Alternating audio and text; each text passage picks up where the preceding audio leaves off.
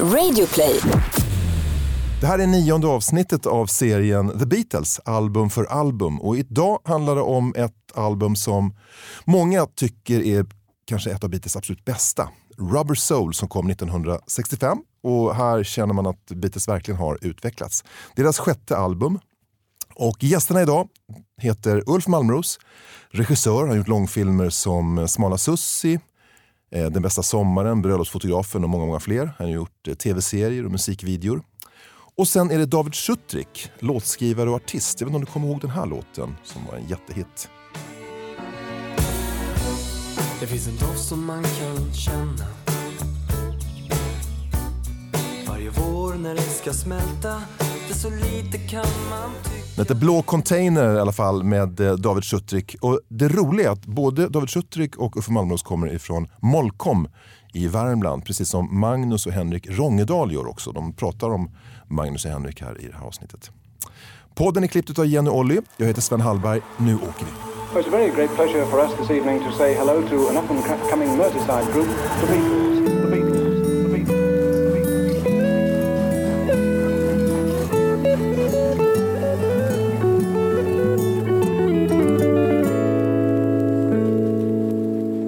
Välkomna David Schutrik, Uffe Malmros. Tackar. Vad är er eh, relation och hur kom ni i kontakt med Beatles? Ni är så pass unga tänker jag. Så ni... Ja, jag var ju, eh, vi, vi tillhör ju inte Beatles-generationen, vi var ju fem när de slutade. Men jag tror faktiskt att det var David som introducerade mig. Alltså det var ett gäng i Molkom där vi kommer från i Värmland som, som det, det dök bara upp och vi blev helt besatta. Ja. Det var en kompis till oss båda som heter Magnus. Hans pappa hade en tysk skiva som heter eh, nästan Beatles, fast det var en tysk coverband som körde Beatles-låtar och den började vi lyssna på. Det var introduktionen. Och det, var, det skulle vara så likt som möjligt. Det var ganska likt med lite tysk brytning. Och det tyckte vi lät så makalöst bra. Eh, och då köpte, gick jag och köpte Rubber Soul. Just det, det tänkte jag på att det, den var faktiskt... Det är därför jag valde den här skivan. den och den var så jäkla, jag jag var chockad av den. Eh, så jag liksom, eh, och det är lite grann som du sa, att det finns en sån det viktigaste jag vill ha sagt med det här med Beats, det, det finns något som, som John nästan beskriver i, i Girl, att eh, man vill ha det så mycket, man vill höra det så vackert och så stort och så mycket så att man nästan blir lite låg och ledsen över det. Och den känslan har jag liksom alltid känt med Beatles och kanske starkare efter man har efter ett liv, men då kände man, ja, jag, det där livet skulle jag kunna tänka mig. Lite så var jag när man såg de här filmerna och tyckte de hade så skön humor och de hade så, de gjorde, skapade så vackra saker och gjorde så intelligenta grejer och knuffade fram eh, ja, stafett, stafettpinnen liksom, mer än vad något an, någon, alla, eh, kanske hela rocken har gjort tillsammans. Så, eh, så, så man är ju väldigt imponerad av dem. Och, eh, för mig blev det jag, jag tycker det, det är så genialiskt så att man, eh, man orkar nästan inte hålla på med lyssna på det för mycket. Men det är mäktigt också att just det att de kom ut, Help kom ut innan. Jag tänker alltid att Rubber Soul kommer innan Help, men det är tvärtom. Ja, att. Help kom tror jag i augusti och, och Rubber Soul i december 65. Bara det här sinnessjuka att ge ut två liksom rätt fullständiga liksom skivor med perfekta låtar så tätt in på varandra. Och dessutom turnerar de ju fortfarande då. Ja, de gör ju en USA-turné samma år och eh, spelar in filmen Help. Jag minns inte när det var men alltså, det är mycket som händer Ja, ja visst. i deras liv här. Ja, otroligt mycket. Men jag kommer ihåg att jag, jag lyssnade nog inte, min första eh, skiva var nog Help faktiskt. Däremot så kommer jag ihåg att jag lyssnade, gick till biblioteket för att lyssna på eh, Rubber Soul. Men jag tyckte den var så konstig för jag tyckte inte det stämde med deras stil. Men det visade sig att jag lyssnade ju på Dark Side of the Moon istället. så jag tyckte att det här var ju lite annorlunda med, jämfört med Help-skivan. Men eh, Ja, jag tycker ju att de här, just Rubber Soul, Help, Rubber Soul och Revolver är på något sätt Beatles för mig. Eh, jag tycker det finns mycket bra på de andra också, men de, det är liksom så, det är ganska konsekvent. Det var de vi lyssnade på när vi var små. Ja. Så Ulf och jag och den här Magnus, vi spelade Beatles-låtar med på kartonger. Ulf och Magnus tävlade om att vara trummis då, och så jag låtsades spela på en hockeyklubba. Nej, Det var en gräsklippare, sån här handgräsklippare med två handtag. Det var liksom, det var mikrof- mikrofonerna. Minns ni vad era kompisar lyssnade på på den här tiden? Alltså skilde ni er från mängden då att ni lyssnade på Beatles? Ja, det var ju Sweet, Mm. kommer jag ihåg. Och det var debatter om Ringo. Han var ju ingen riktig trummis, han kan ju inte trumma. Så det var ju Sweet då och sen var det, vad kan det ha varit mer då? Därför det här var väl, det var väl- det var väl 75 eller någonting vi började lyssna Mm. på. Men då är det lite Bowie och glamrock och sånt där. Jo, fast inte i Molko. Nej, inte i Molkom. Det var nog mer, och så var det eh, Stat- Status Quo Ja, och den typen. Du vet det här på Hårdrock. landet. Va? Det är Jerry Williams och Ja, precis. det är 70-talet. Lite Elvis kunde nog finnas också här och där. Ja, ja. Vuxna gillar det, men... Precis. Så att, eh, ja, inte Magnus Uggla än, för det var lite, lite för tidigt. Men David, om jag säger att jag tycker att du har lite, eh, som kompositör, är du lite Paul, Mac- Paul McCartneysk? Finns det en Beatles-ådra i din musik? Ja, det är nog rätt. Mer Beatles i så fall. Ja, men jag, ja, jag avgudar ju Paul, men den min största idolen är John. men eh, ja, men det är klart att det sätter sina spår att man, om man hittar någonting så vackert. Så, men eh, ja, Det har blivit en referens. Väl När en- vi pratar musik ja. så är det alltid att någonting, så, men det är lite Beatles i det här. Alltså, Mm. Genom alla år då, Tears for Fears, Tears for Fears och så vidare. Och så vidare. Eh, All, alltid var studsare mot Beatles, vad man än lyssnar på. Om det var bra så var det att Jellyfish eller ja precis. så var det allt. Light Orchestra. Ja, ja exakt. Mm. Det är nästan lika bra som Beatles, men inte, inte där. Jag läste någon, liksom, vi- någonstans vilka band tyckte, kände sig influerade av Beatles. Det var, liksom, det var ju sidor av sidor av, av kända, kända band. Så, så säg det bandet som inte har blivit påverkade av dem.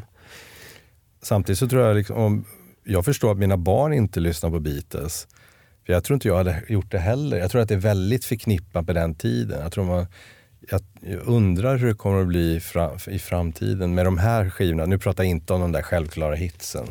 Alltså jag tycker det var ganska så talande när, när det släpptes på iTunes och på Spotify hur, vilka lyssnarsiffror alltså, och hur många som, unga som lyssnar på det.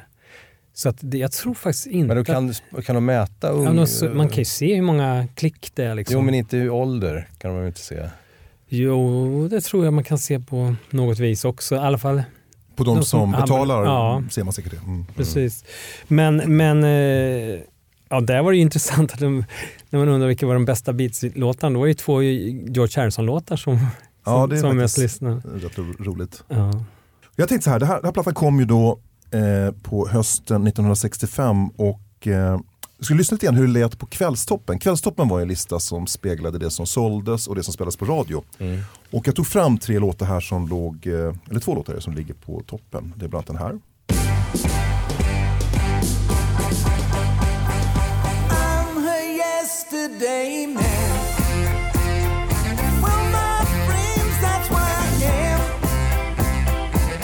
Det är väldigt stompigt. Stompigt! Ja, Ja, ganska Det bra. är Chris Andrews Yesterday Man.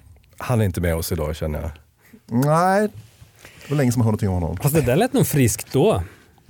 Jo men det är ju det är inte det där vemodet eller liksom ilskan och energin som kunde finnas i Beatles-låtar. utan Det kändes ju rätt, väldigt tillrättalagt ändå. Säkert kompetent och sådär men Och december 1965 så låg Hepstars också på Kvällstoppen ganska högt med den här låten. I don't see through it, not a bit. Someone has found your heart to pieces. I try to take it as a weight.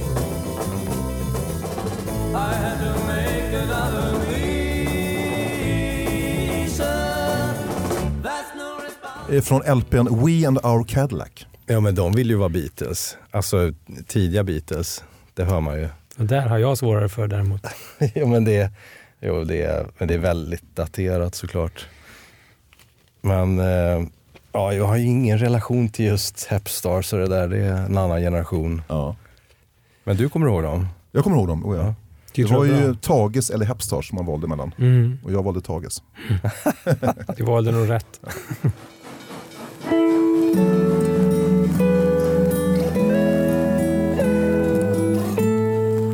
Det här är Beatles sjätte album vi ska prata om. Det är Rubber Soul, 1965 kom det i december och det är ett väldigt så här, kritikerhyllat album. Det är många som listar det här som ett av Beatles absolut bästa album. Vad kul att du valde det David. Eh, och det här är andra gången som Beatles släpper en platta där de har enbart eget material. Det var mycket covers liksom på tidiga Beatles-plattor. Och den som var innan det var Hard Day's Night som bara var Beatles-låtar på. Alltså eget material. Just det. George Martin är producent och den är inspelad i Abbey Road-studion som egentligen hette EMI Studio tror jag.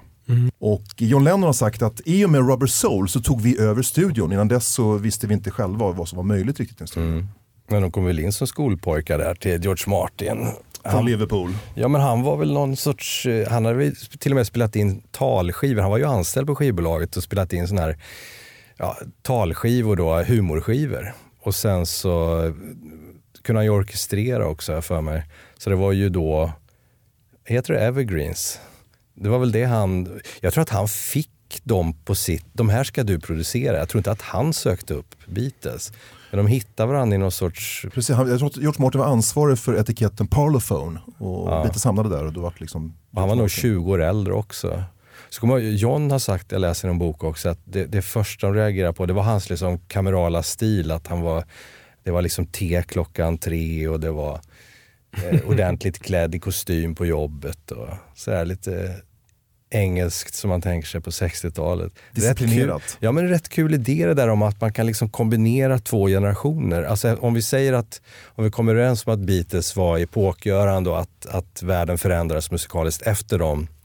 Så skulle man ju liksom, om man skulle ta det från början så skulle man ju inte tänka att här ska vi ha en kameral eh, orkesterledare som kan skriva noter utan här ska vi ha någon som kan matcha dem i deras ålder och så vidare. Så det är ju rent kreativt så är det en intressant kombination tycker jag. Att Verkligen. tussa ihop dem och jag tror det där, det var, jag tror inte att de hade några större planer för att de skulle erövra världen utan det var nog ett av alla tusens liv, sk- skivsläpp som ett sånt skivbolag gjorde. Så att, eh, De hade ju fått nobben från en mängd skivbolag. Eller deras eh, manager Brian Epstein var ju på turné i London. Han fick ju nobben eh, överallt. Mm. Så de var nog ganska... Är det deck, Lyckliga. är det den där klyschan med deckare? Va? Man alltid säger att Mm. Deckard tackade nej till Beatles, precis som Ast- vilka var det som tackade nej till Astrid Lindgren? Det var Norstedt eller tvärtom. Ja, precis. det, är så här, det, kom, det var det första man fick höra. Tänk att vara den som tackade nej till Beatles. Men eh, ja, men det är, ju, det är ju roligt också. Man skulle gärna vilja veta om de hade med sig egna låtar som de inte fick spela på de första skivorna. Utan här, här har ni låtarna, de här ska ni spela. Men så- John var ju förtjust i covers också. Han gillar ju rock'n'roll och det var ju Paul som föreslog att de skulle börja spela in egna låtar. Han gjorde ju en sån här rock'n'roll-skiva på 70-talet Ja, precis. också. Som är helt sen- olyssningsbar faktiskt. Ja, han, men han var fascinerad där och det, han eh, gick ju tillbaks till det när han gjorde um, Double Fantasy. Det började med det, Men like tycker starting inte du att det är lite knepigt? Jag tycker samma sak ELO som jag gillar väldigt mycket. När Jeff Lynne då som är några år äldre än, än Beatlarna. Men när han alltid en eller två låtar per skiva som är så här boogie-woogie-rock, som är hans uppväxt. Och samma sak med, som John sa, som du sa, att han, han växte ju upp när det var liksom Bebopaloola. Så det är det han gillade egentligen, det sa han ju alltid i alla intervjuer. Det har jag lite svårt för. Mm. Nej, det är hans rötter. Och mycket svart musik. Och Ja. Jag brukar säga så här, generellt då så kan man om förenklat säga att poppen föds ju i England av att vita unga engelska pojkar försöker spela soulmusik. De Mm. gör Motown-covers och sånt där. Och då, någonstans så blir det pop utav det här. Du Precis. får inte riktigt det här svarta soul-svänget. Men det var ju det de svarta i USA tyckte var så pinsamt också. De kallar det för plastic soul. Så det är därför den här heter rubber soul. Mm. Så att det är ju, eh, de var ju medvetna om det då. Och det blir ju en sorts rundgång också. För att Beatles är ju influerade av amerikanska svarta soulartister. Mm. Sen gör ju plötsligt de covers på Beatles-låtar. Så Mm. Booker T and the MGs då, då, som är en grupp som Beatles gillar. De gör ju liksom en platta som är hyllad, hyllar Beatles. Så det, liksom, det går ju runt. Verkligen. Och det är så där är det ju med all bra musik nästan. Det är oftast när, när vita spelar svart och svarta spelar vit som det blir det där riktigt roliga. Men för att inte tala om ja, Prince och eh, Stones och Man kan väl säga fram till det här då, så 1965, då har ju singlarna egentligen varit det viktiga. Man släpper låtar. Lite grann som det är idag med Spotify. Att man har albumen inte lika viktiga. Och 1965 så, så är det liksom lite nytt det här att man gör ett album som, har, som hänger ihop på det här sättet. Eh, och det här inspirerar ju andra grupper också. Så att eh, Stones och Brian Wilson med Beach Boys, han blir inspirerad och gör ju Pet Sounds. Så att Beatles sätter ju en trend i det här liksom att göra ett sånt här moget sammansatt album. Men tycker du verkligen Rubber Soul är det? George Martin har sagt att det här albumet är det, här, är det första album som presenterar Beatles som ett, ett, a new growing Beatles to the world. For the first time we began to think of an album as an art of their own, a complete end title, jag vet inte vad det betyder, men alltså Men jag håller med om det. sammansatt på något sätt. Jag tycker att den är, den är, den är fantastisk i, sitt, i sin form och, och att den är så nyskapande och, och modig. Och, eh, det känns som verkligen de plockar i sina hjärnor och inte i något annat de har hört. Fast samtidigt tycker jag att den, den har liksom en fot i det gamla Beatles, alltså som Wait till exempel, låter ju som 63 tycker jag. Och sen så har du liksom när eh, sitaren kommer in till exempel, det är ju det Beatles som ska komma. Eh, I Norwegian Wood och så vidare. Så liksom den har en fot i framtiden och en i det gamla Beatles. Så det känns ju ändå som att den är precis mitt i den här skivan. Om man säger att Hard Day's Night var lite mer soul-inspirerad, det var ju mycket, John Lennon har hört mycket svarta grupper i USA Mm. som han ville efterlikna, så är ju Rubber Soul kanske mer Bob Dylan och Birds, alltså mer folkmusik. Och i USA Mm. tror jag att man lanserade Rubber Soul som en folk music popskiva. Jag tror till och med att, att John ville det väldigt gärna. Att, att de skulle vara det på den här skivan. Och Beach Boys var inspirerade, de inspirerades av vissa grejer med Beach Boys som de försökte göra om på ett litet annorlunda sätt. I Girl vet jag att de gjorde någon, någon körgrej där eller vad det var, någon som var influerad av det. Och med den här plattan så testar man nya instrument också. Man har då sitar som du var inne på Uffe och eh, fassbas, alltså det är en elektrisk bas. som Ja. Man, Som George att höra spelade. Som, det var George som spelade den ja men precis. Ja. Eh, och så pumporgel, jag var tvungen att googla det. Det är alltså en Mm. Sån här gammal skolorgel ungefär Mm. som man liksom pumpar luft i. Den hör man lite här och där. Är det Bill Evans, eller vad heter han nu då? Ja, alltså det var också rätt roligt. Är, Mm. Han är väl deras roddare egentligen. Ja, han, nej, han var en sån här gubbe som fick hoppa in och Ja, liksom, någon gör lite av varje. Ja. Han spelar orgel helt plötsligt.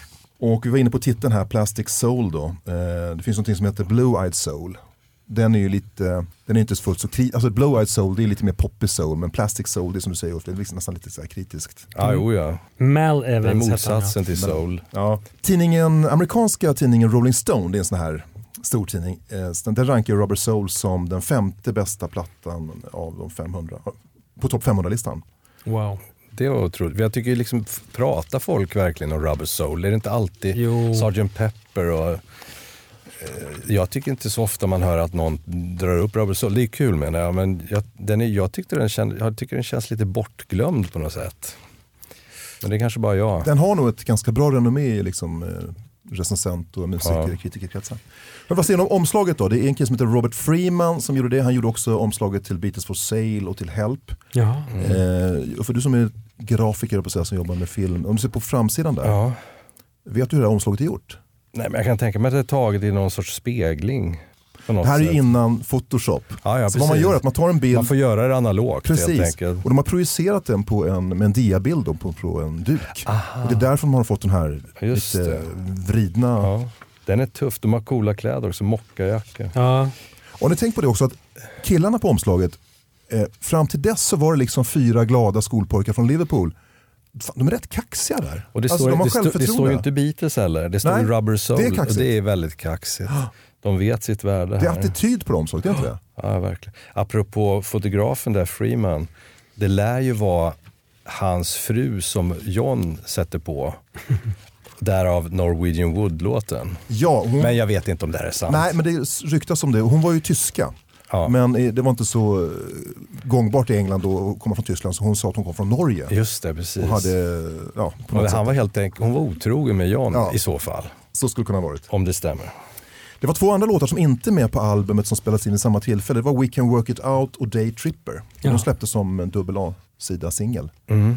Mycket så här bra låtar som aldrig kom med på albumet. Men det var för att skivbolaget, eller om det var George Martin, ville liksom inte att, eh, var någonting släppt på singel, då skulle det inte komma på albumet. Man ville liksom vara lite generös mot de som köpte skivan. Att det var bara Men lite krångligt också. Och den amerikanska utgåvan som du har där David, Mm. den, där är ju helt andra låtar, var det inte det? Ja, det stämmer. Ja, Den har inte jag lyssnat på. Men... Men vi struntar i den, för det är lite som skiljer mellan den ja jag amerikanska och den tycker också det. europeiska. det. Jag tycker det här är den riktiga skivan. Vi rycker på nästa skiva. Och vi börjar med sidan ett då. Det är en vinylskiva det här. Och första låten på sidan ett är Drive My Car. Vi kan lyssna lite på den.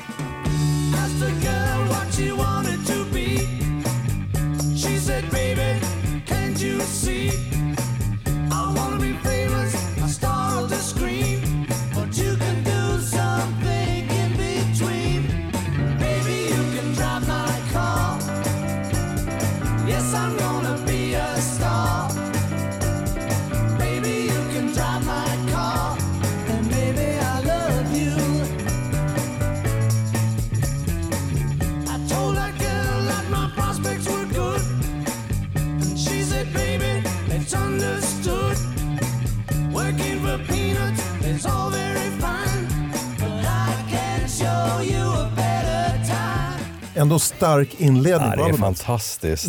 Men också så hur bra det låter. Alltså, och alla stämmer och allting. Och sen i alla fall när man googlar på det så det är ju inspelat liksom på en kväll. Inspelat och mixat på en kväll. Det är ju liksom, och, och, och blir det inte bra, för några av de andra låtarna kan vi komma till sen, men blir det inte bra, nej, då gör man om den helt och hållet eh, en vecka senare. Ja. Då kan det låta helt annorlunda. Och det är ju fortfarande inte så det, det- de spelar ju ganska mycket samtidigt eftersom de har ju fortfarande bara åtta spår eller någonting. Eller om det är till och med fyra spår. Så de kan inte göra liksom separera påläggen hur mycket som helst. Det kanske du vet mer om. De hade, de hade kan- fyra Jag tror det till var och med, fyra. Ja, jag tror det också. Så de, och det, det tappar ju kvalitet om man skulle göra eh, Pingponga. ja, pingponga mellan de spåren. Man, la, man gjorde förmixar och la över till ett spår. Och så. Det här är den första låten som Beatles spelade in efter midnatt. Jaha. Innan dess så var det kontorstid som gällde. Vet du vilken var första låten de gjorde på plattan? Eh, Det brukar ju vara... Ja, jag tror jag kommer till det Mm. senare i manus. Ja. Jag kommer inte ihåg nu på rak arm. Men det är också roligt med de här detaljerna. Kommer du ihåg när vi Br- Bröderna Rångedal då som är verksam i musikbranschen. Jag kommer ihåg så väl, vi gick i samma klass. Vi, när de i duschen, typ när vi var tio, körde den här låten i duschen på gympan i skolan. Och körde den helt perfekt i stämmor, då helt nakna. Gick fram och tillbaka mellan två duschar då, inför alla. Och eh, de, de här detaljerna, pip, pip, pip, pip, yeah, tyckte man var, oj vad är det där? Det där måste jag höra, det där var bra. Det var de, de där detaljerna som, som man fastnar för på något sätt. Det här är ju en Lennon-McCartney-låt som så många andra. Och, eh, oftast det är det ju samarbeten men det är oftast någon som har kommit med idén och det är tydligen Paul McCartney som Ja. har grundidén till den här. Men det är Harrison faktiskt som har varit med och arrangerat. För George Harrison tyckte att den här påminde om en låt som han har hört med Otis Redding som heter Respect. Lyssna lite på den. den.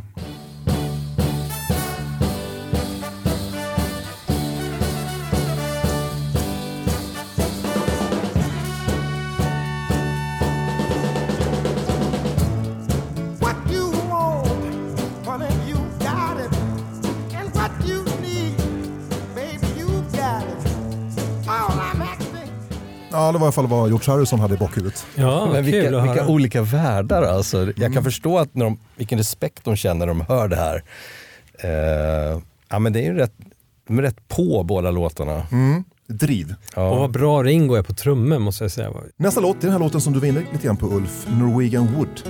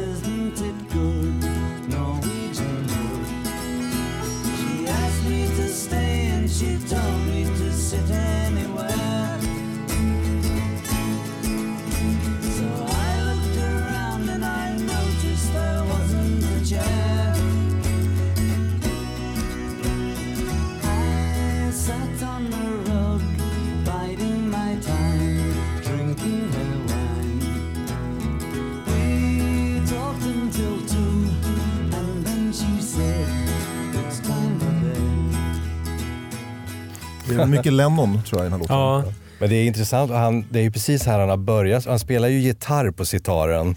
Alltså, det, det blir ju ett helt annat ljud sen när han har lärt sig att spela. Så att det, det är ju väldigt sådär... Jag, vet, jag, jag såg den här um, George-dokumentären som var tre timmar lång.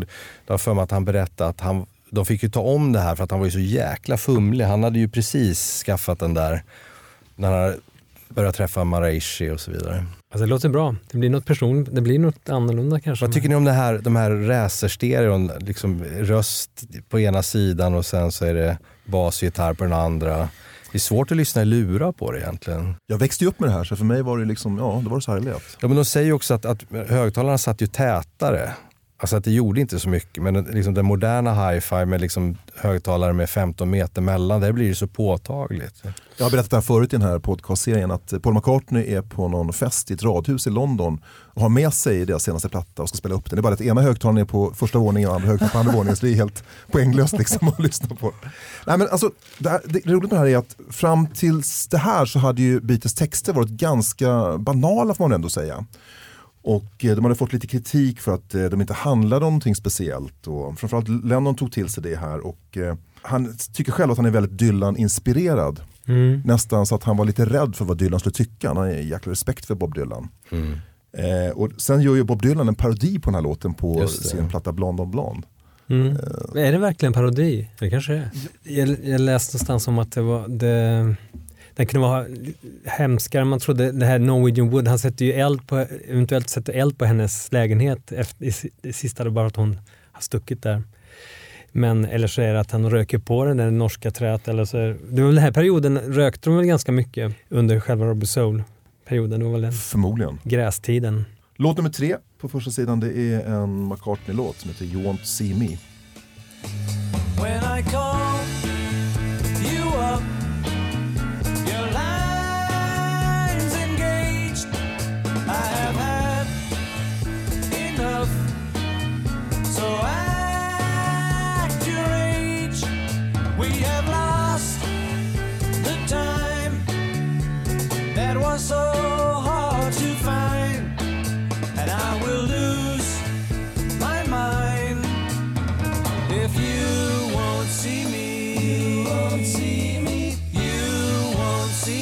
Det här är en av McCartneys låtar som handlar om hans förhållande med Jane Asher.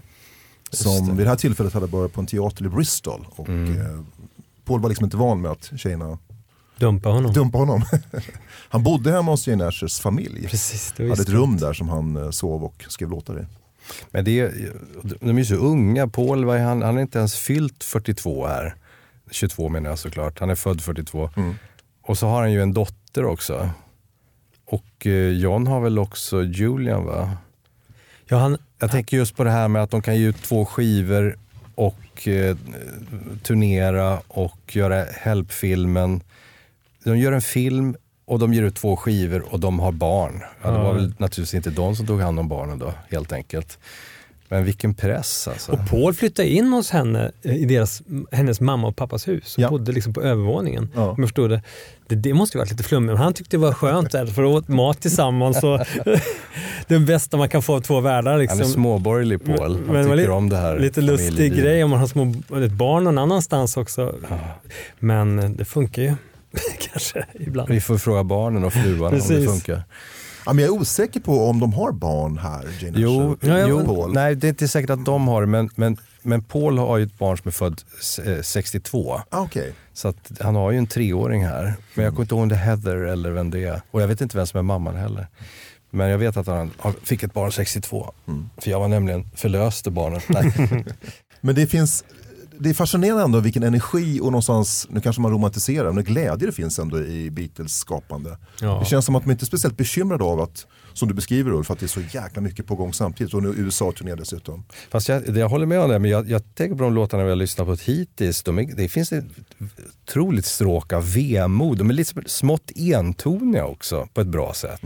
Och vi kommer Alltså- ju till en sån låt snart som Ja. nästan är gjord på en enda ton. Den, här, den här tycker jag är Pauls bästa på den här skivan. You won't see me. Mm. Ja, men det, är- och det är så snygga stämmor. Och, jag är så nyfiken på också om de la stämmorna liksom direkt med, med leadsången eller om de la dem efteråt. Jag tror de la efteråt. Men, men, Eller var och nog rätt rutinerade på att lägga stämmor, alltså eftersom de turnerade så och för sig, mycket. Man sparar in en, en mick där om man lägger samtidigt. Men det, alltså, det är så gudomliga stämmor hela tiden. Men de, lär, de, säger ju att i Hamburg då gjorde de ju tre pass per kväll. Alltså, och passen var inte 20 minuter utan det var ju så här en och en halv timmes gig. Tre gånger per kväll. Wow. Spelade liksom fyra och en halv timme liksom, i ett års tid varje dag. Liksom. Man kan anta att Beatles var ganska tajta som, som livemusiker. Ja, ja, visst. Eh, Nästa låt är en eh, Lennon-låt framförallt, det är Nowhere Man. He's a real nowhere man, sitting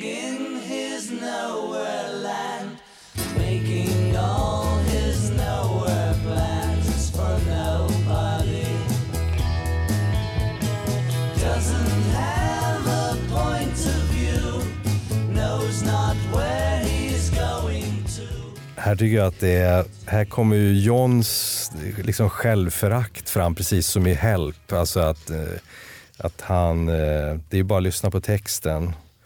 Nowhere man, alltså att, eh, jag tror, den här att man kan ana hans, börja på den här, kanske inte ska säga mörka sida men Paul är ju, är ju faktiskt lalligare. Han hade tydligen suttit, han hade, det var någon, någon tidning som hade varit gjort reportage om honom, han kallade honom för den lataste mannen för att han gick upp och bara solsrätt satt i, framför, i sängen. Det låter ju som han var deprimerad. Han hade ju ett förhållande då som var på väg att spricka och han var ju inte glad. Men han kunde sitta en hel dag. Och den här låten, han försökte pressa gränserna för texter och skulle försöka göra någonting eh, lite bättre. Och då kom han på den här, när han hade somnat in, eh, efter, efter det här försöket somnat in, så kom, åkte han upp och så kom han på den här eh, som är om honom själv då, någon som inte gör någonting och inte kommer på någonting och som inte leder till någonting. Och, sen Ett jävla självförakt. men sen så skrev han den som att det var någon annan men så la han in i slutet då, isn't it a bit like you and me? Mm. Isn't he a bit like you and me? Eh, så det, ja men jag tycker den är grym. Men han var, väl, liksom, han var väl mer självkritisk också. Att, eh, George Martin, producenten, sa ju någon gång att han ville ju alltid att George skulle skruva till hans röst. Han tyckte inte han sjöng bra. Och han, han tyckte liksom inte, han var, på något sätt så var han liksom mera föraktfull inför mycket av det de gjorde. Medan då Paul kanske var mera ja, salesman, eller en, en gladare, en annan sort. Vi ska inte snacka Jag skit tror- om Paul. Nej, han, men jag tror att han var mer säker på, liksom hade väldigt lätt för sig musikaliskt. Det hade väl John också egentligen, men i jämförelse kanske det var tufft. Men han dubbar ju sin sång och sånt där John för att få det lite mer anony- anonymt. Eh, men det blir ju en cool feeling på det. Också. Ja, men jag tänker också just vad det blir för någonting, vad det blir för låtar och vad det blir för texter om man är en av världens mest beundrade människor som de var vid den här tiden. Mm. Men innerst inne hyser ett självförakt och ett självhat. Som då både är Help och eh, Nowhere Man. Nowhere Mm. Man. Så är det intressant hur det kan uppstå. Liksom. Lämnad av viktiga personer i sitt liv. Ja, eller så är man bara funtad sån. Men Ja. det kommer ju, det kommer ju, kanske svaret på det här kommer väl senare. Han blir ju väldigt obstinat mot egentligen det mesta och sen träffar han Joke och, och allt de har för sig. Men han har ju väldigt sökande här. Det känns som att han letar efter Yoko liksom, Ja. i många av de här låtarna. Och kvinnan i hans liv, han har ju inte hittat henne och, och verkar ju vara ett svin. Men han är, ja, det, det är någonting starkt i det här hur han eh, känner sig halv på något vis. Men det är intressant också, både du och jag har jobbat med Peter Goldman som gjorde eh, de här videorna till eh, Strawberry Fields och Penny Lane. Och han bodde ju hemma hos eh, Paul. Och så jag, jag var ju, tyckte jag, herregud, jag ska alltså jobba med han som har gjort Beatles-videor. Så jag liksom pumpade ju Peter på allting. Han sa ju att de är ju precis som det alla säger. Alltså Paul, han odlar på bakgården, alltså morötter. och eh, trevlig och småborgerlig. Och John kommer inte i tid. John kan plötsligt bli vresig. John är lynnig. George är lillebrorsan som bara hänger på och Ringo är bara snäll och full. Och det är ju precis den liksom myten. Och då är det ju ändå, det är en första källa, det är ju en, det är en förstahandsinformation. Och han hängde ju med dem ett ganska bra tag där. Och det är därför Beatles är så intressant, att det är så komplex, komplexa personer på något sätt. Och som eh, den här hatkärleken mellan Paul och John, den här tävlingen, det här liksom sneglandet på varandra, där de förmodligen också inspirerar varandra väldigt mycket. Att John har den här ångesten när han ska skriva den här låten, den här, par, nästan är paralyserad. Det finns ju en tävling i det också, att han måste komma upp någonting till den här Robert Soul-plattan. Så, så inte Paul dominerar allting. Ja, men jag kan tänka mig att han har retat ihjäl sig på Paul och hans duktighet. Och det är ju, Men abs- och, och paradoxalt nog så är de också väldigt generösa med komplimanger till varandra. De berömmer varandras låtar ofta. Så det, det, det är inte helt... eh, vet man det? Det finns citat, alltså Ja. när John hyllar Paul-låtar och vice versa. Så att det, det, det, är liksom, det är rätt komplext, vilket gör att det så, tycker jag är roligt. Alltså, eller spännande. Men det är, ju, det är ju väldigt intressant det här med någon kom, du, du behöver en brygga här, jag har en bra brygga, varsågod, Generöst. ta den här. Och det är ju därför det är så rikt också, för att det är många av de där Beatles-låtarna tänker men det här är ju tre låtar igen. Ja just det, det är ju tre personer, George var ju med och hjälpte till också. Så att jag menar, det är ju väldigt lyxigt. Och jag, och jag- kan inte låta bli att tänka på dagens låtskrivare som skriver hits, eh, som till, till exempel Max Martin som är uppe och nosar på deras siffror i, i, på listor. Eh, de är ju typ sju låtskrivare på varje låt och de provar det på det och det och sen skriver de om. Och de, Och de- vissa har de jämför dem- heller. Jämför dem mot det som ligger etta på listan om det inte är deras eget. Och det, det är ju liksom melodin tror jag, att vara så begåvad som de här är och sen stötas och blötas mot någon annan som knuffar åt något annat håll. Och som stöt, som vi pratar om att ha en gammal eh, producent också. Det är också en ny värld som kommer in. Jag kan tänka mig att dagens låtskrivare lyssnar ju faktiskt mycket på andra hits och försöker eh, sno snyggt. Och det, där kanske, de, de har säkert också lyssnat på många men jag tror också mycket att de hade så många personer som var så begåvade och alla kunde liksom knuffa den här båten i sjön. Jag tror mycket på tävlingen ja. Alltså att det, det är fruktbart alltså.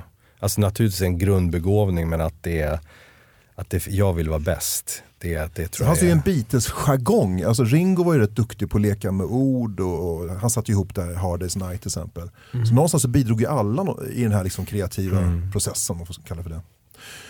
Det Första, kan inte vara lätt, vara lätt att vara Ringo alltså. det här, i med Rubber Soul så började man ju också göra låtarna i studion. Innan dess kanske man hade re- replokaler och satt hemma hos varandra och skrev låtar. Här- Nu, nu börjar man göra låtarna i studion. Det kanske du vet som är musiker David. Hur kul är det att vara trummis och sitta och titta på när en kille med gitarr och en kille med piano Ska leta sig fram. Ja. Nej, det, det är nästan så att han tagit död på sin inspiration när de väl börjar då tror jag. Han kände sig så, säkert så delaktig så att det var liksom det var deras gemensamma hjärna som jobbade på något vis. Jag tror man tänker lite så, även om jag håller med Ulf om att tävlingsmomentet går aldrig att underskatta. Det är en otrolig drivkraft. Och, och sen, men jag tror de mest var sugna på att att skapa någonting fantastiskt vackert. Men att de ville vidare hela tiden är också, Mm. alltså att de inte stannade kvar i ett sound. Jag menar, de skulle kunna gett ut liksom tre plattor till med Rubber Soul-soundet. Nej, de skulle vidare. Och det är ju riskabelt. Men, men eh, det är det som skiljer just ett sånt band som Beatles från, ursäkta alla Stones-älskare, men som i princip låter likadant hela vägen. Ett poddtips från Podplay. I podden Något Kaiko garanterar östgötarna Brutti och jag, Davva, dig en stor dos skratt. Där följer jag pladask för köttätandet igen. Man är lite som en jävla vampyr. Man har fått lite blodsmak och då måste man ha mer. Udda spaningar, fängslande anekdoter och en och annan arg rant.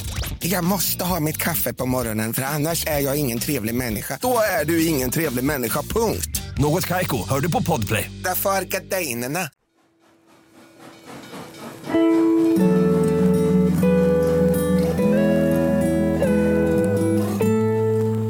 Tänk då att vara George Harrison tillsammans med två av världens bästa låtskrivare och komma in i studion. Hörni, jag har en låt också. Vad tror ni om den här? I've got a word or two to say about the things that you do.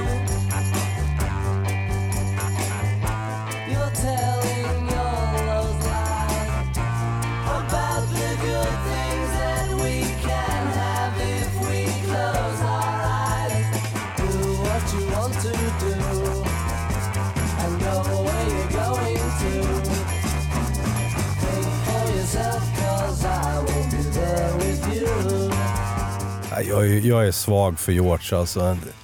Han, hans snoriga röst. Men sen också just det här att han, att han är ju lillebrorsan i gänget. Han är väl född 43 eller 44 kanske. Och i den åldern är det ju stor skillnad mellan John då som är född 40 och hon, honom. Så att, Och den eh, lite eh, arroganta pondusen som John säkert hade. Men Jag menar, det är bara att titta på slutet av Beatles. Det verkade ju som att han låg ju mest i startgroparna för han hade flest ratade låtar som han aldrig fick med. Så hans först, de gav väl ut varsitt soloalbum och han sålde ju bäst då. Och det var en trippel dessutom. Ja, så att han hade ju liksom laddat på sig låtar. Jag kan ju tänka mig att han har fått nej på väldigt många låtar. Det tror jag också. Men, Jag kan inte låta bli att lyssna på, på Maracas här, som Ringo, på dels Ringos trumspel och sen, han, spelar ju faktiskt all, nästan alltid percussion, eh, Ringo.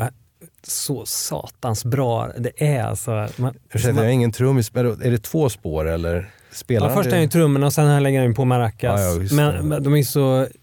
Ja, det kanske är för att han själv spelar trummor så man vet så mycket, men det är liksom, de limmar ju så skönt. Jag, tycker, jag älskar det. Jag kan bara sitta och lyssna på maracas. Du som är mus- musiker, eh, man, eh, det förekommer ändå liksom att eh, folk kritiserar Ringo. Det finns de som tycker att han var rätt usel trummis. Precis som finns de som hyllar honom och säger att han är ett av världens bästa. Vad ligger här i att han skulle ha varit en dålig trummis? Var kommer det ifrån? Jag vet ju att, att han, han uppfann ju fillet. Nej, men han, han gör ju sina fantastiska fills och då och sackiga, han ligger sackar- efter liksom. han sack, I perioden tror jag han sackar lite grann men kommer träffa rätt igen Är sen. det det man liksom. kallar för lite häng? När det är liksom, Han kommer ju Ja. ikapp liksom. Alltså det där med häng och före och efter och allt, det, det är liksom en hel vetenskap. Oftast, de flesta trummisar tror jag, baskaggen ligger ganska rakt med takten och sen så ligger virveln lite olika långt efter. Eh, men det där ska man inte säga i radio för det får säkert spö. Men jag tror att hans, om det nu, jag vet ju att, att en del säger att han var ingen vidare trummis och så vidare, att det finns ett sånt snack runt honom. Men jag tror det kommer jättemycket från de här klippen från de här konserterna. Han, i princip, han sitter väldigt högt upp och eh, trummorna är väldigt lågt ner och sen så har han liksom, vispar han på cybalen hela tiden och sen så är det virvelkaggen, that's it. Och ingenting hörs. För i de, de mickade ju inte upp dem på den tid. Så att jag, tror, jag tror att det ser för ynkligt ut på något sätt. John och, Paul valde honom. De kickade ju på grund av att de blev helt kära i honom när de hörde. Och jag förstår ju vad de hörde för att det, det är ju någonting magiskt. Han, han gör ju någonting magiskt. Det är det som är galet med de här fyra personerna. Eh, alla är liksom stilbrytande på eh, sina instrument och så fantastiskt musikaliska.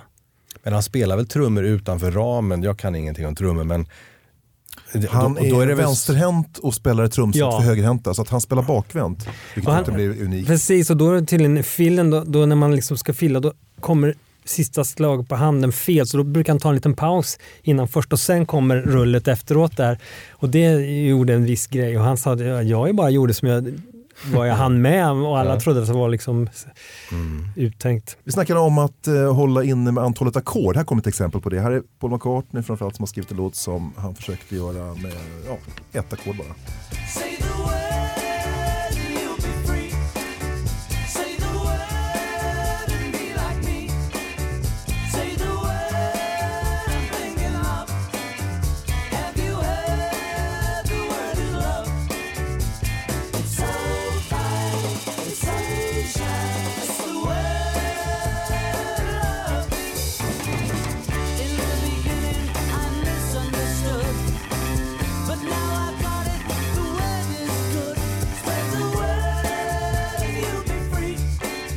Hade ju fler än ett ackord i alla fall. Ja, det var det. men, men en fin låt. Det är så kul när man läser vem är det som har skrivit det här egentligen. Du kan läsa det på något ställe att det är Elena McCartney tillsammans. Eh, John säger så här, "Ah, vi gjorde det tillsammans men det var mest jag.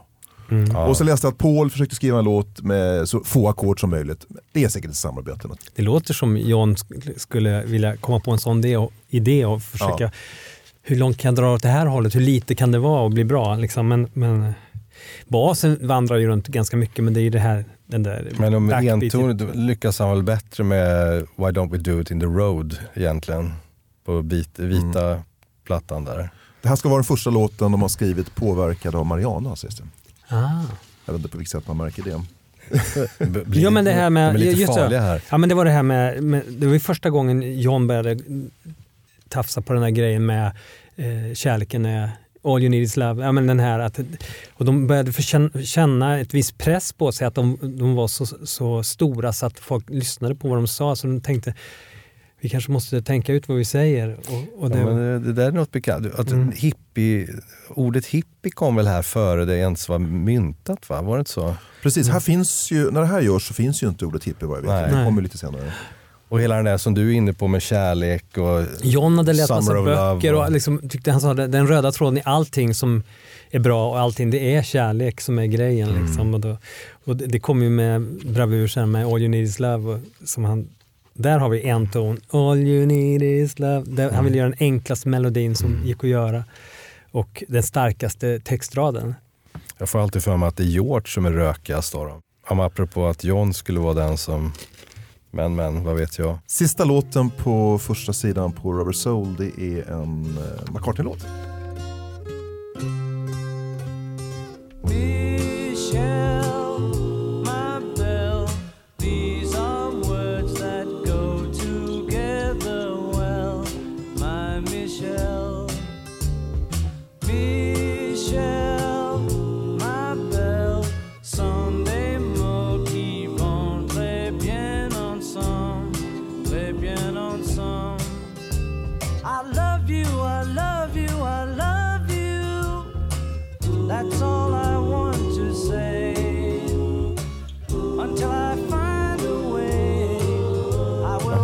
Beatles spexade ju ganska mycket, alltså det var ju mycket eh, gags dem emellan. Och det här var ju en spexlåt från början. Alltså Paul McCartney gjorde någon sån här fransk pastisch. Liksom. Den är ju gammal den här, den är Ja. från 59. Han var på och lekte med. Den var inte skriven till skivan, den här skivan. Nej. Men den, jag tycker det är så roligt att det är trummor på den överhuvudtaget. Man, när, man lyssnar, när man bara tänker på den så tänker man på bara gitarr. Men det är Men vadå, liksom, nu hänger jag med. Är den från 59? ja, den här låten skrev han då. Skrev Paul den 59? Ja, På Åh, låtsasfranska. Åh jäklar. Som, som en parodi då på, på fransk. Eh, Mm. Sen har, hjälpte John till att färdigställa låten då till Rubber Soul och göra en riktig låt av det. Och det fanns en, eh, det var någon kompis till John Lennon som hade en fru som var franska lärare. Så det är hon som har skrivit Ja den precis, franska texten. så var det ja. Den är inte riktigt lika vass som de andra låtarna. Den är ju jag. grym men den har åldrats på något vis. Vissa liksom klarar sig bättre än andra. Mm. Ja, men det är den här leken med genrer lite grann som, Det kanske som det. framförallt Det- Paul gillar. Man liksom. tar inte till sig texten riktigt. Nej. Nej. Hörrni, det är vinyl, då vänder man på skivan. Och eh, det fanns en dramaturgi här också, hur man, eh, satt, hur man placerade låtarna. Just det. Eh, och eh, vänder man på sidan så kommer det låt nummer ett då, eh, som heter What Goes On.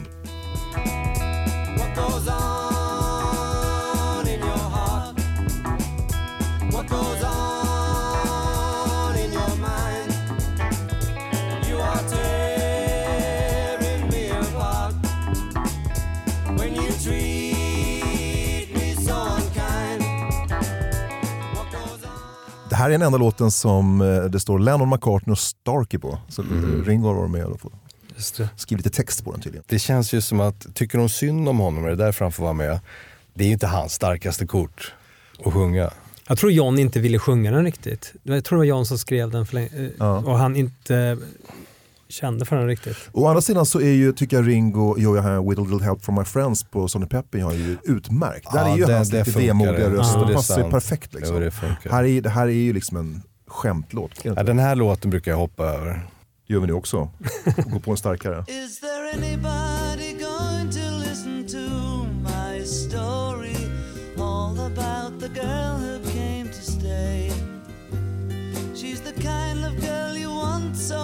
Much it makes you sorry. Still, you don't regret a single day. Ah, girl. Girl, girl. When I think of all the times I've tried so hard to leave her, she will turn to me and start to cry. And she promises the earth to me,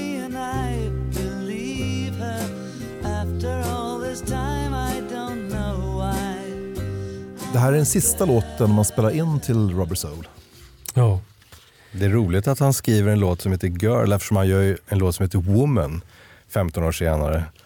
Den här är ju lite barnslig på, på ett bra sätt. Jag tror att han skrev den under tiden de spelade in också. Jag tror att det var att han hade blivit inspirerad av Michel. Så var det. Det var hans svar på Michel. Mm. Och precis som du sa David, så det här är ju, det här är ju liksom, här, bör, här är hans sökande om drömkvinnan, drömflickan. Ja. Jag ser den här som helt ironisk. Nej. Jo, och de här man andas in. Ja, det, Jo, jag ser den som väldigt sådär att... wow, det är min favoritlåt kanske av alla, av alla Superironi Beatles-låtar. ser jag här. Alltså att, Alltså John Lennon säger själv att this is one of my best, så han är ju väldigt stolt över den här låten. Ja ja, men precis. Men jag, det förstår jag. Jag tycker den är helt magisk. Och när jag köpte den skivan och lyssnade, då spelade jag in på kassett den och Run, You better run for your life. Eh, var, varannan, liksom, så man kunde bara höra de två hela tiden.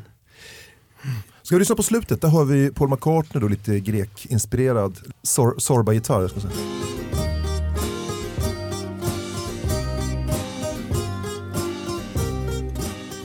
De hade ju blivit rika nu så de hade, de hade köpt en varsin grekisk ö. Och hade tänkt att de skulle köpa en femte ö, en stor som de tillsammans skulle kunna träffas på. Och så att de hade ju börjat drag under galoscherna där. det är ju här också den här, vad heter den? Jag kommer inte ihåg vad han heter. Det är ju här den här grekiska medhjälparen kommer in i bilden. Som förekommer sen i alla de här böckerna. Som kun, han, kunde ju, han var ju Mr Fixit, han kunde ju ordna liksom allting. Så honom hittar de ju här nere. Så han hängde ju med till slutet. Och jag tror till och med att han jobbade på Apple, på skivbolaget. Säkert. Eh, och han, eh, hans kvaliteter eh, tror jag man kan se förbi lite. Men han var väl rolig att ha med. Och det kommer en låt till här som McCartney har skrivit eh, apropå sitt förhållande med Jane Asher. I'm looking through you. I'm looking through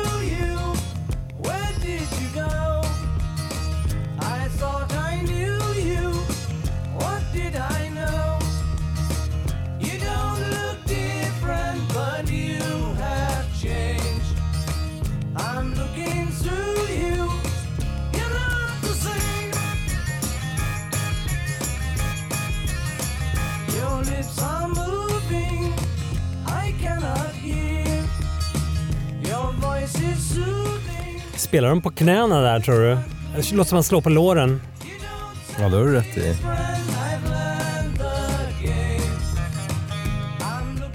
Men det, det sprack med Jane Asher då, helt enkelt. Det är två låtar då. Så där han... Han är lite självkritisk Paul, han säger att jag är liksom eh, någon sorts ungkarl och har svårt för att anpassa sig till tjejer, de som får anpassa sig till mig. Liksom. Så han är väl medveten om sina brister där. Mm. Fast han ser ju igenom henne här. Hon hade precis fått en roll då, då kanske hon kände så här, äh, nu skiter jag i det här. Sån där odåga. Ringo spelar orgel på den här låten. Ja, jag ser det. Han sjunger ju så bra, Paul, där. Eller han sjunger ju bra på hela den här skivan. Han kan ju ha så olika röster. Egentligen. Mm.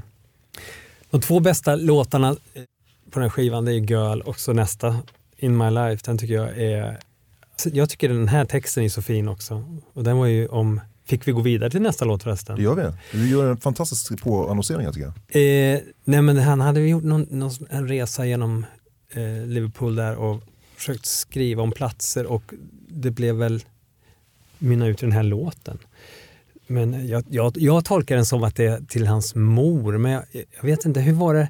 Men hon var inte död då, men, men hon hade, de, de hade skilts på något vis. Jo, hon, hon blev väl överkörd när han var ganska liten. Ja, det kanske var, ja just det. Så Han fick- växte ju upp hos sin moster. Jag tror att det var för att hans mamma lämnade bort honom. Precis, så var det Ja, just det, så, just det. Och sen så Mm. blev hon överkörd när han på något sätt skulle återförenas med henne.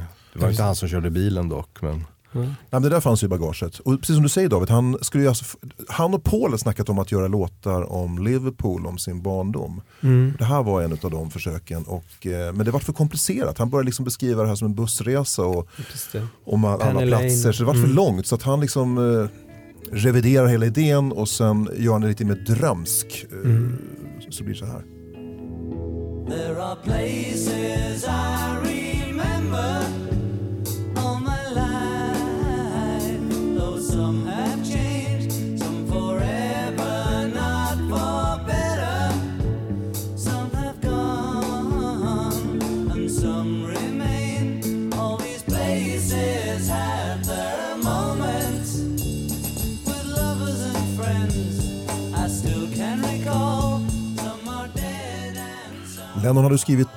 två böcker vid den här tiden.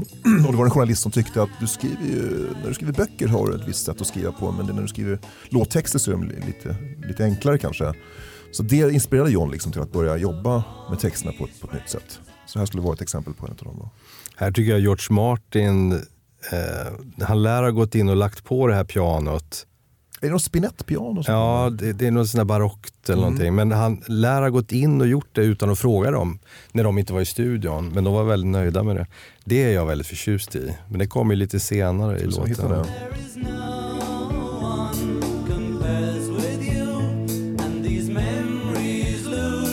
det. Trumspelet är ju helt briljant också. Vilken nyskapande. Mm, verkligen.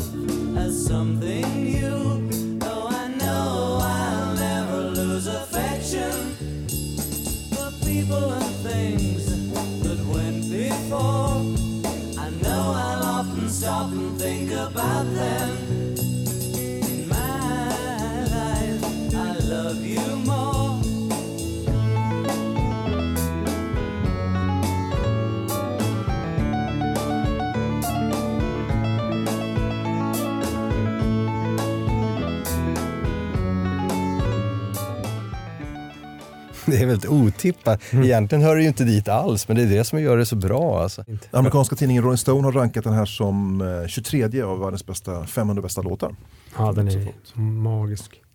Det finns mycket Men det är ju- luft i den och sjunga också. Det, det, det är snyggt producerat. Och liksom, jag kan tänka ibland vad dagens trumsound, det blir ju liksom inte bättre än det här. De, de le, man letar efter det här trumsoundet. Och helt otroligt att de kunde få fram sånt klipp och så, och så botten och tyngd. Och, och, så, och så produktionen som är så eh, luftig och mycket plats att sjunga i, ändå är det tryck. Det är fantastiskt.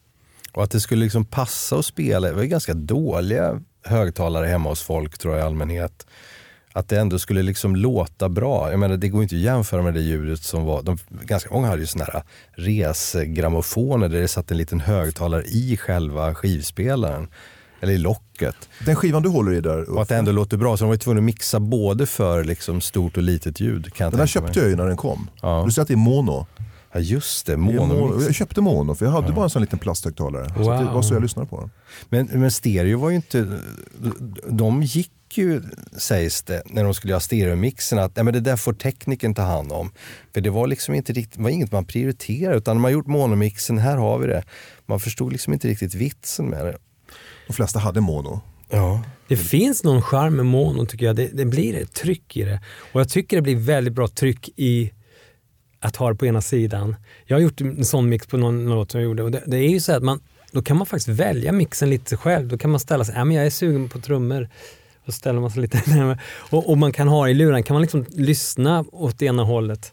Så att det, det, eh, det är någonting som blir lite mjukare med stereo. Det, det måste jag säga. Ja, Jag köpte ju den där mono-boxen. Jag, jag tyckte det är svårt att lyssna på det i lurar. Det låter klaustrofobiskt och det, det, det är något, händer någonting med, på ett sätt med diskanten. Den liksom, det ligger bara i mitten. Det blir inte det här glittret. Det blir inget luftigt på något sätt. Å andra sidan så föredrar jag ju monomixen jämfört med de här racer stereo-mixarna där det, det är helt skevt. Med trummor och, trummor och bas i ena och sång och gitarr i den andra. Jag är en sån positiv kille så jag gillar det här. Nästa låt så skrev eh, John och Paul, de skrev tillsammans eh, när de var i Bahamas och spelade in filmen Help. If your heart breaks, don't wait, turn me away. And if your heart's strong,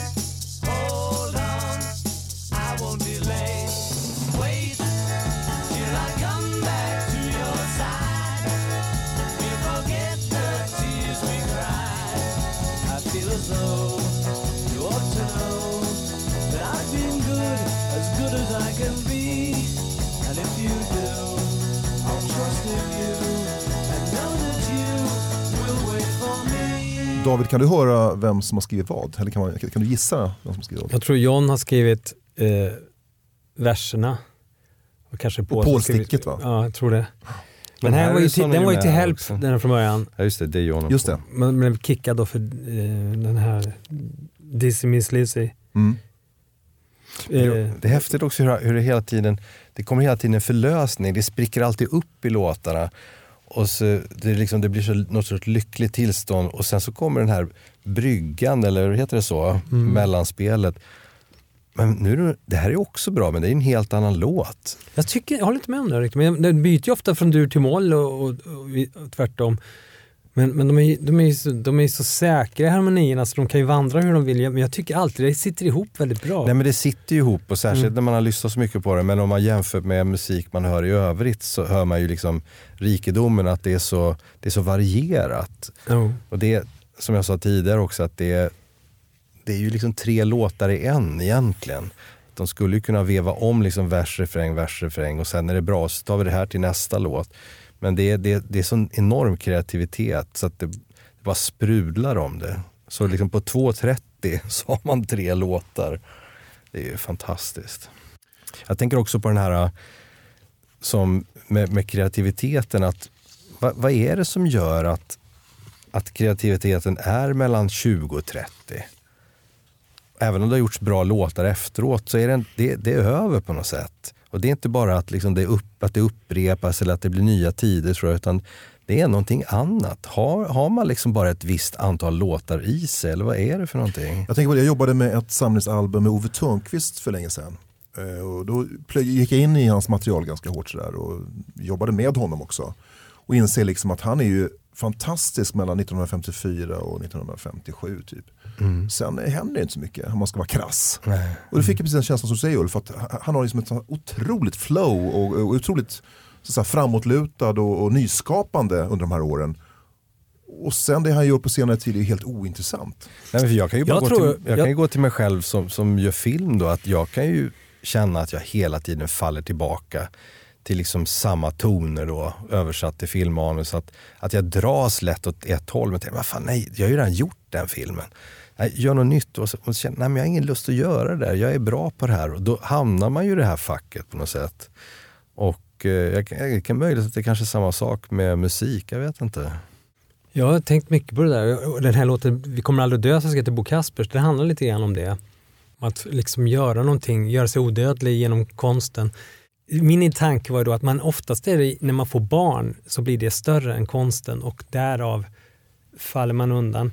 Men, eh, men vissa som skiter i sina barn kanske inte bryr sig så mycket som Ingmar Bergman och Dylan och kanske Neil Young. De skriver ju bra grejer ändå. De gör ju bra grejer hela tiden. Och sen så, men det jag skulle komma till var i alla fall att jag tror att när man, innan man har gjort någonting så är det som ett oskrivet blad och man, man kan fantisera någonting större. Det känns så stort för man vet inte vad som kommer hända. Sen har man liksom lite kladd och man har lite skisser och, lite, och det, det är svårt att ta sig lika långt då när man har de här små skisserna i bagaget. Men jag tänker också att man blir någon i andras ögon. Alltså att du är ju en person innan du liksom slår igenom som folk kanske inte tar, fäster jättemycket uppmärksamhet kring. Och sen blir du den här artisten, du blir Mm. Beatles. Och då måste du också anta den här rollen. Du får ju den genom din publik. Och det är kanske svårt att liksom slå sig ur den. Även om Beatles utvecklas och går liksom nya vägar mot slutet så återvänder de ju ändå till sista plattorna till någon sorts liksom grundrock'n'roll egentligen. Så då är de ju tillbaka på ruta ett egentligen, fast det låter bättre. Alltså Fast rent egentligen när det här görs då vet, har man ingen aning om vilket, det största kliv kommer ju näst, efter det här. Kanske så kanske jag inte ska säga men, eh, men eh, sto, de gör stora kliv, de fortsätter med det ända till slutet. Eh, Så att det är ju, Jo men att de slutar är väl inte, kan, kan, kan ju också vara att de, är, de kommer inte längre. Alltså de är, de är trötta på, Mm. på sitt eget koncept. De känner att vi har ju tagit alla de kliven vi kan ta. Liksom. Sen har de väl gjort bra grejer solo också, men inte jämfört med Beatles egentligen. Jag Paul tycker McCartney fast- gör ju liksom en nystart med Wings. Det är ett Mm. sätt liksom att eh, distansera sig från Beatles och kunna liksom börja skriva låtar på ett helt nytt sätt. Men om Och man då tar det- förlåt, live, livemusiken har ju liksom, då, plötsligt kan man ju spela live då när Wings, det kan ju inte Mm. Beatles göra, de har för Mm. små förstärkare, folk hör ju inte vad de spelar. Eh, Så då tror jag Paul börjar skriva låtar på ett annat sätt som ska funka Mm. live, Live and Let, live, live and let Die och det här liksom. Mm. men om man tar allas soloskivor efter Beatles splittrades och plockar ihop en ny Beatles-skiva då är det in, inte så dåligt material. Det är ganska schyssta plattor Det faktiskt. finns några sådana spellistor på Spotify där man har lekt med Ah. Beatles, eh, vad är det, 13 platta då. Ja, just det. Vi kommer fram till sjätte låten på Rubber Soul eh, B-sida. Det är den här.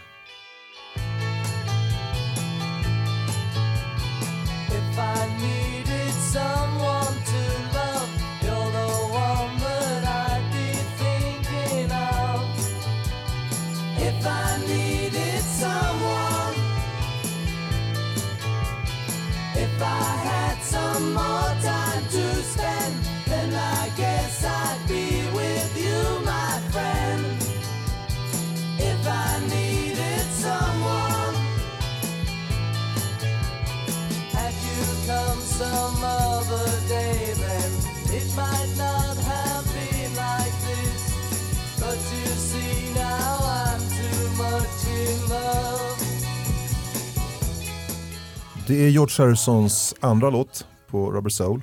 Lite inspirerad av eh, The Birds. Ja. Det Just gitarrspelet. Ja, verkligen. Ja, det är ju det är ju väldigt likt. Det fanns någonting där. Ja, det, det, det är lite ovanligt att höra Paul spela en sån här en basgång, en sån här upprepande basgång. Han brukar alltid vara så melodiös och följ. Han är lite understimulerad känns det som. Ja, han hittar på egna små jag, melodier. jag kan tänka mig att George var med och tyckte till om basgången och hade den på gång i, när han skrev låten. Eh, men det har jag ingen aning om.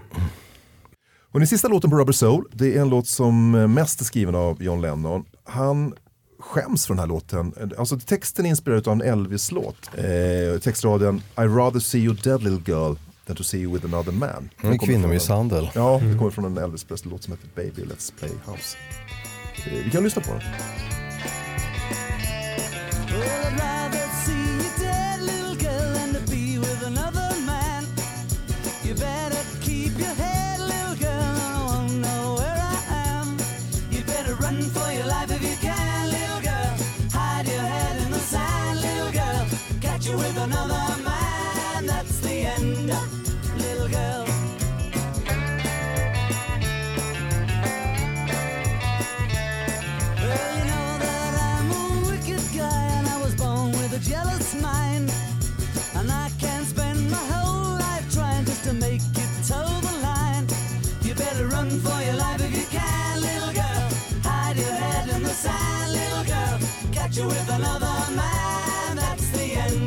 Det här är ju skivans bästa låt.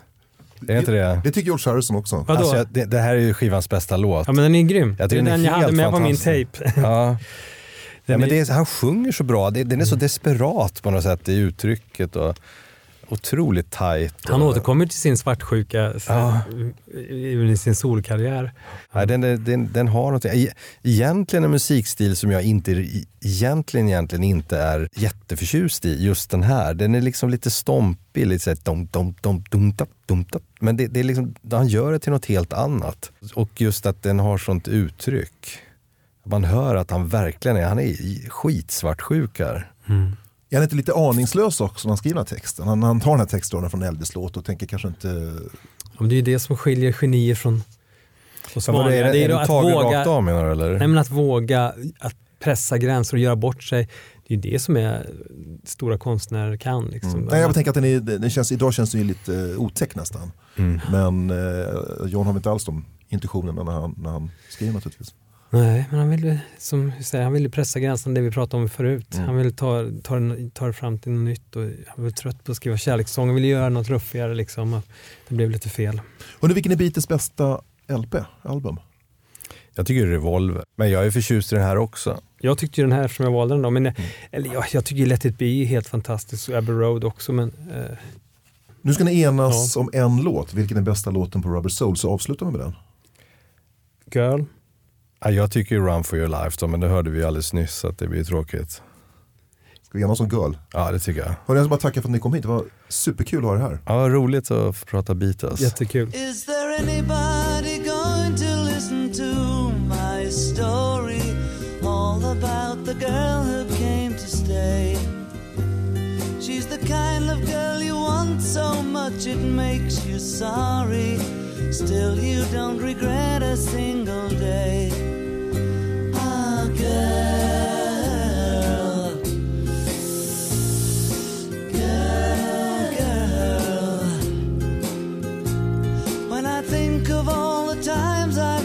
So hard to leave her, she will turn to me and start to cry.